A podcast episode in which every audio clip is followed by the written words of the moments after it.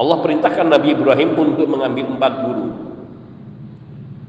Kemudian Allah Subhanahu wa taala perintahkan Nabi Ibrahim untuk merajang empat gunung itu. Digabungkan kepala dengan kepala, sayap dengan sayap, badan atau pokoknya diacak itu. Setelah itu masing-masing bagian dipencar di empat sudut gunung. Lalu Allah perintahkan Nabi Ibrahim panggil mereka. Maka burung-burung itu pun akan datang kepada Nabi Ibrahim dalam keadaan itu. Bagaimana bunyi ayatnya? Bunyi ayatnya burung-burung.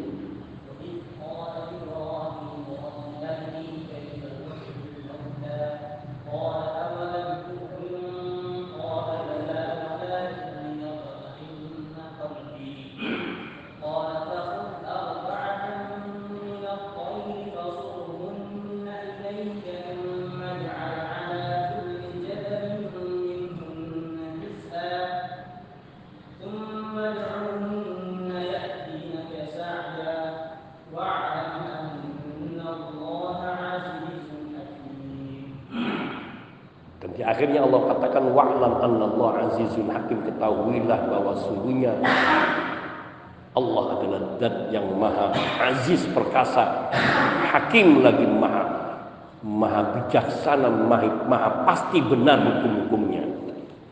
Maha hak hukum-hukumnya. Allah perintahkan seperti yang saya kisahkan itulah bunyi ayatnya ini merupakan bukti bahwa Allah Subhanahu wa taala akan kelak akan mampu membangkitkan seluruh ciptaannya. Dan di dalam ayat lain Allah berfirman, sungguhnya Allah menciptakan seluruh langit dan bumi ini sama dan menciptakan menghidupkan kembali seluruh makhluknya sama seperti Allah menghidupkan satu manusia. Tidak ada bedanya. Apa bunyi ayatnya itu? Yang Allah menghidupkan atau menciptakan langit dan bumi itu ringannya seperti Allah menghidupkan satu manusia, penciptaan satu manusia.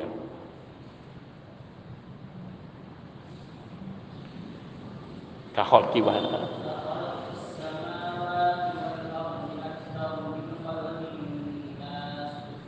Salah satunya itu, apakah penciptaan langit dan bumi ini lebih berat daripada menciptakan manusia Lihat alam semesta langit dan bumi ini begitu besar dan agung itu mudah Allah ciptakan cuma dalam enam masa. Bahkan Allah mampu menciptakan dalam sekejap. Namun Allah dengan hikmahnya ingin menunjukkan kekuasaannya penciptaan itu berproses dalam enam masa. Apakah penciptaan langit dan bumi itu lebih berat daripada menciptakan manusia? Dan juga apakah menciptakan bagi Allah menciptakan satu manusia dengan menciptakan seluruh menghidupkan seluruh manusia sama. Tidak ada bedanya.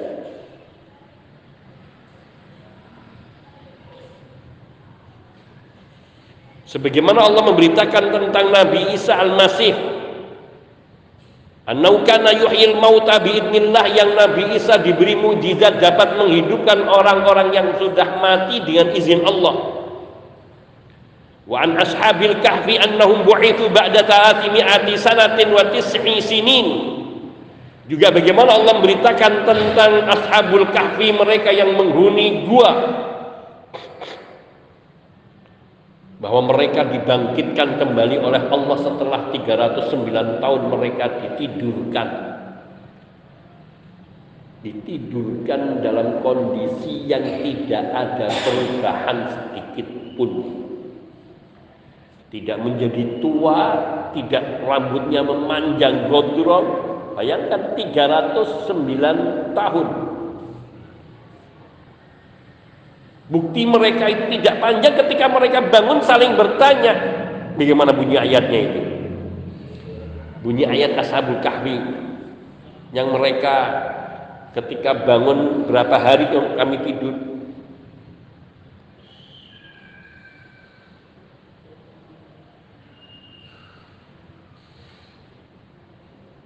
Mereka tidur 309 tahun.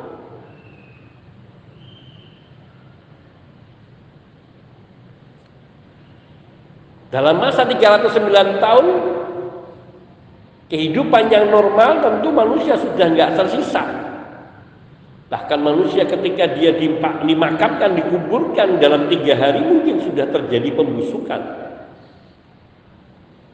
Namun ini dalam masa 309 tahun mereka ketika bangun dari tidur mereka Qalu kam labistum Qala yauman au ba'da yaum.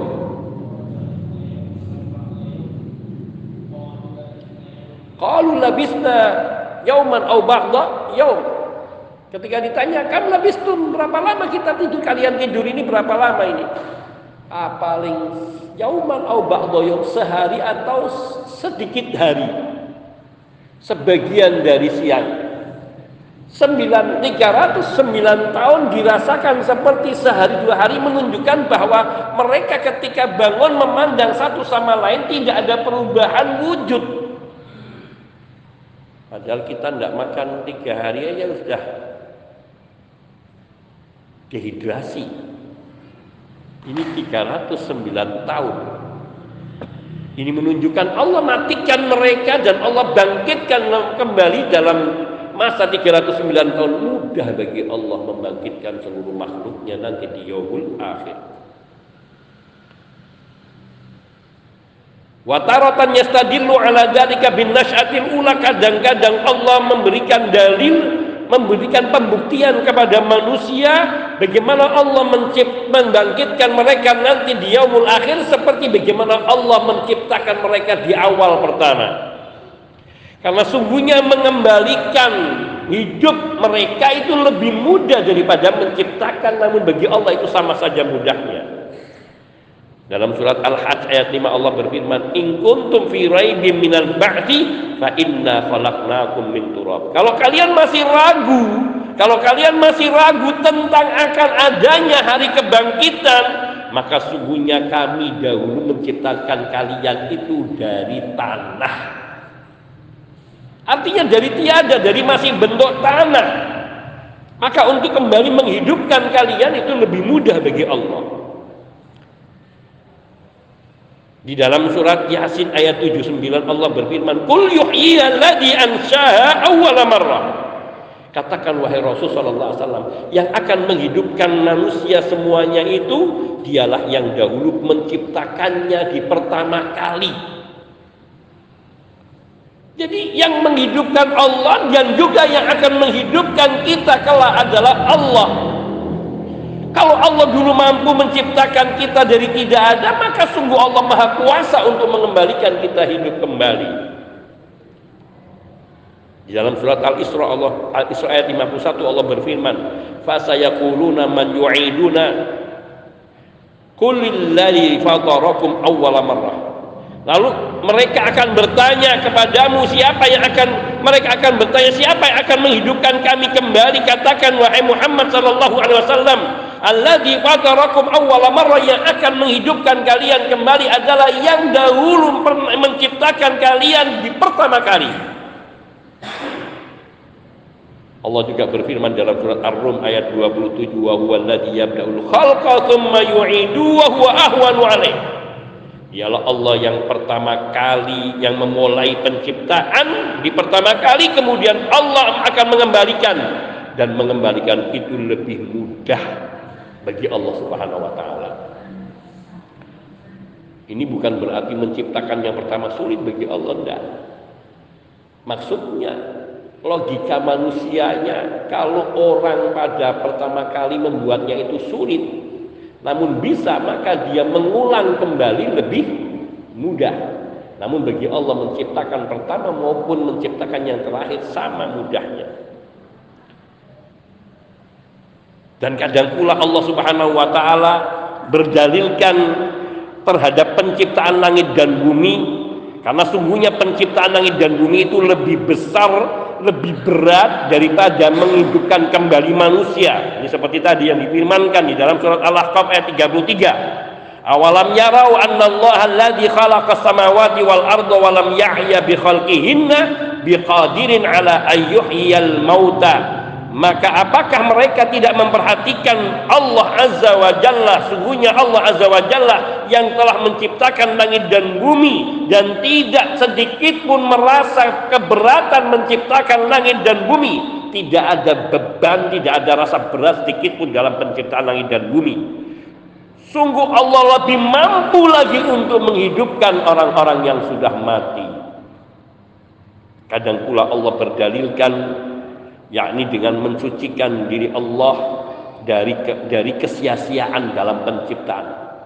Allah berfirman di dalam surat Al-Mu'minun ayat 115, "Afahasibtum annama khalaqnakum abata wa annakum ilaina la turja'un?" Maka apakah kalian mengira bahwa sungguhnya kami menciptakan kalian untuk suatu main-main belaka sia-sia belaka wa annakum ilaina kemudian kalian mengira bahwa sungguhnya kalian kelak tidak akan dikembalikan kepada kami. Yakni diberi kehidupan biarkan nanti kemudian tidak ada pembalasan. Mustahil. Di dalam surat Al-Qiyamah ayat 36 sampai 39 Allah berfirman, "Ayah sabul insan ayutraka sudah." Apakah manusia itu mengira bahwa dia akan dibiarkan sia-sia sampai kepada firman Allah yang berbunyi alaisa dzalika biqadirin ala ayyuhyal mauta. Bukankah Allah lebih maha kuasa lagi untuk menghidupkan yang telah mati? Manusia di dunia ini ada yang baik ada yang buruk amalannya. Dan mereka semua kadang-kadang mati. Qad yamutuna wala yanalu ahadun jazaa ada yang mati dan mereka tidak mendapatkan balasan dari amal perbuatan mereka. Apakah seperti itu? Fala buddha min darin ukhra yuqamu fiha al-adlu Pasti akan ada kehidupan negeri lain yaitu kehidupan akhirat, kehidupan lain yang di situ akan ditegakkan keadilan di antara manusia. Masa orang yang berbuat baik tidak akan mendapatkan balasan orang yang berbuat jahat berkuasa dengan semena-mena kemudian dia tidak dibalas atas dosa-dosanya? Mustahil. Ayah sabul insan ayutroka sudah kalau seperti itu orang yang berkuasa sekarang ini yang menindas orang-orang yang lemah didolimi dengan sedolim-dolimnya kemudian dia tidak merasa kelak kenapa? Karena dia mengingkari adanya hari akhirat menganggap kehidupan ini hanya di dunia semata-mata. Mereka ini yang kelak nanti akan terperanjat, terbelalak mata mereka. Dan mereka akan terkaget-kaget. Serta mengatakan wa sadaqal mursalun ternyata benar apa yang dikatakan oleh para rasul. Tentu setiap orang kelak akan mendapatkan balasan sesuai dengan amal perbuatannya. Dan beriman kepada hari akhir merupakan salah satu rukun dari rukun iman yang enam. Sebagaimana yang ditunjukkan oleh Al-Quran dan di dalam banyak ayatnya. Itu yakurul imana bi taratan ma'al imani bil arkan as-sittah allati hiya al-imanu billah wa malaikatihi wa kutubi wa rusuli wal yaumil akhir Kama fi hadis Umar radhiyallahu anhu fi su'alati Jibril alaihissalam lin Nabi sallallahu alaihi wasallam. Seperti ketika Allah menyebutkan ketika Nabi sallallahu alaihi wasallam menyebutkan iman kepada kepada hari akhir ini kadang-kadang disertakan dengan rukun iman yang enam yaitu beriman kepada Allah, beriman kepada para malaikat, beriman kepada kitab-kitab sucinya, beriman kepada rasul-rasulnya, beriman kepada hari akhir dan beriman kepada qada dan qadar. Seperti tersebut dalam hadisnya Umar radhiyallahu taala mengenai pertanyaan-pertanyaan Jibril alaihissalatu wassalam kepada Nabi sallallahu alaihi wasallam. Dan kadang pula Allah menyebutkan tentang iman kepada hari akhir disebutkan berbarengan dengan iman kepada Allah. Seperti di dalam surat At-Taubah ayat 29 Allah berfirman qatilul ladina la yu'minuna billahi wal wala bil yaumil akhir. Perangilah orang-orang yang tidak beriman kepada Allah dan tidak beriman kepada hari akhir. Maknanya perangi, ingkari kekufuran mereka perangi dengan hujah-hujah yang kuat. Dakwahi mereka. Sampai mereka mengakui adanya Allah dan hari akhir. Dalam surah Al-Baqarah ayat 264 Allah juga berfirman ya ayyuhalladzina amanu la tubtilu sadaqatikum bil manni wal adza kalladzi yunfiqu malahu ria'an nasi wa la yu'minu billahi wal, wal yaumil akhir wahai orang-orang yang beriman janganlah kalian membatalkan mensia-siakan sodakoh kalian yaitu dengan mengungkit-ungkit kembali pemberian sedekah kalian dan juga dengan menyakiti yang kalian beri sedekah. Artinya mengungkit-ungkit pemberian itu menyebabkan apa yang dia berikan itu menjadi sia-sia batal. Atau memberi tapi dia menyakiti dengan ucapan-ucapan yang merendahkan orang yang menerima. Ini maka seperti diibaratkan oleh Allah kalladzi yunfiqu malahu seperti orang yang membelanjakan menafkahkan hartanya ria'an karena ingin dilihat oleh manusia. Riya wala yu'minu billah wal orang yang seperti itu seperti orang yang juga seperti sodakonya orang yang tidak beriman kepada Allah dan kepada hari akhir. Sampai di sini. Kita akan lanjutkan insya Allah pada pertemuan berikutnya nanti bismillah taala yaitu tentang nama-nama hari akhir yang itu semua nanti mengisyaratkan kepada sifat kehidupan di kehidupan akhirat nanti. Ada wa naktafi wa insyaallah kita lanjutkan bismillah taala. Bila Allah memanjangkan usia kita wa sallallahu wasallam ala nabiyina Muhammadin wa alihi wa sahbihi ajma'in. Walhamdulillahi rabbil alamin. Subhanakallahumma bihamdika. Asyhadu an la ilaha illa anta.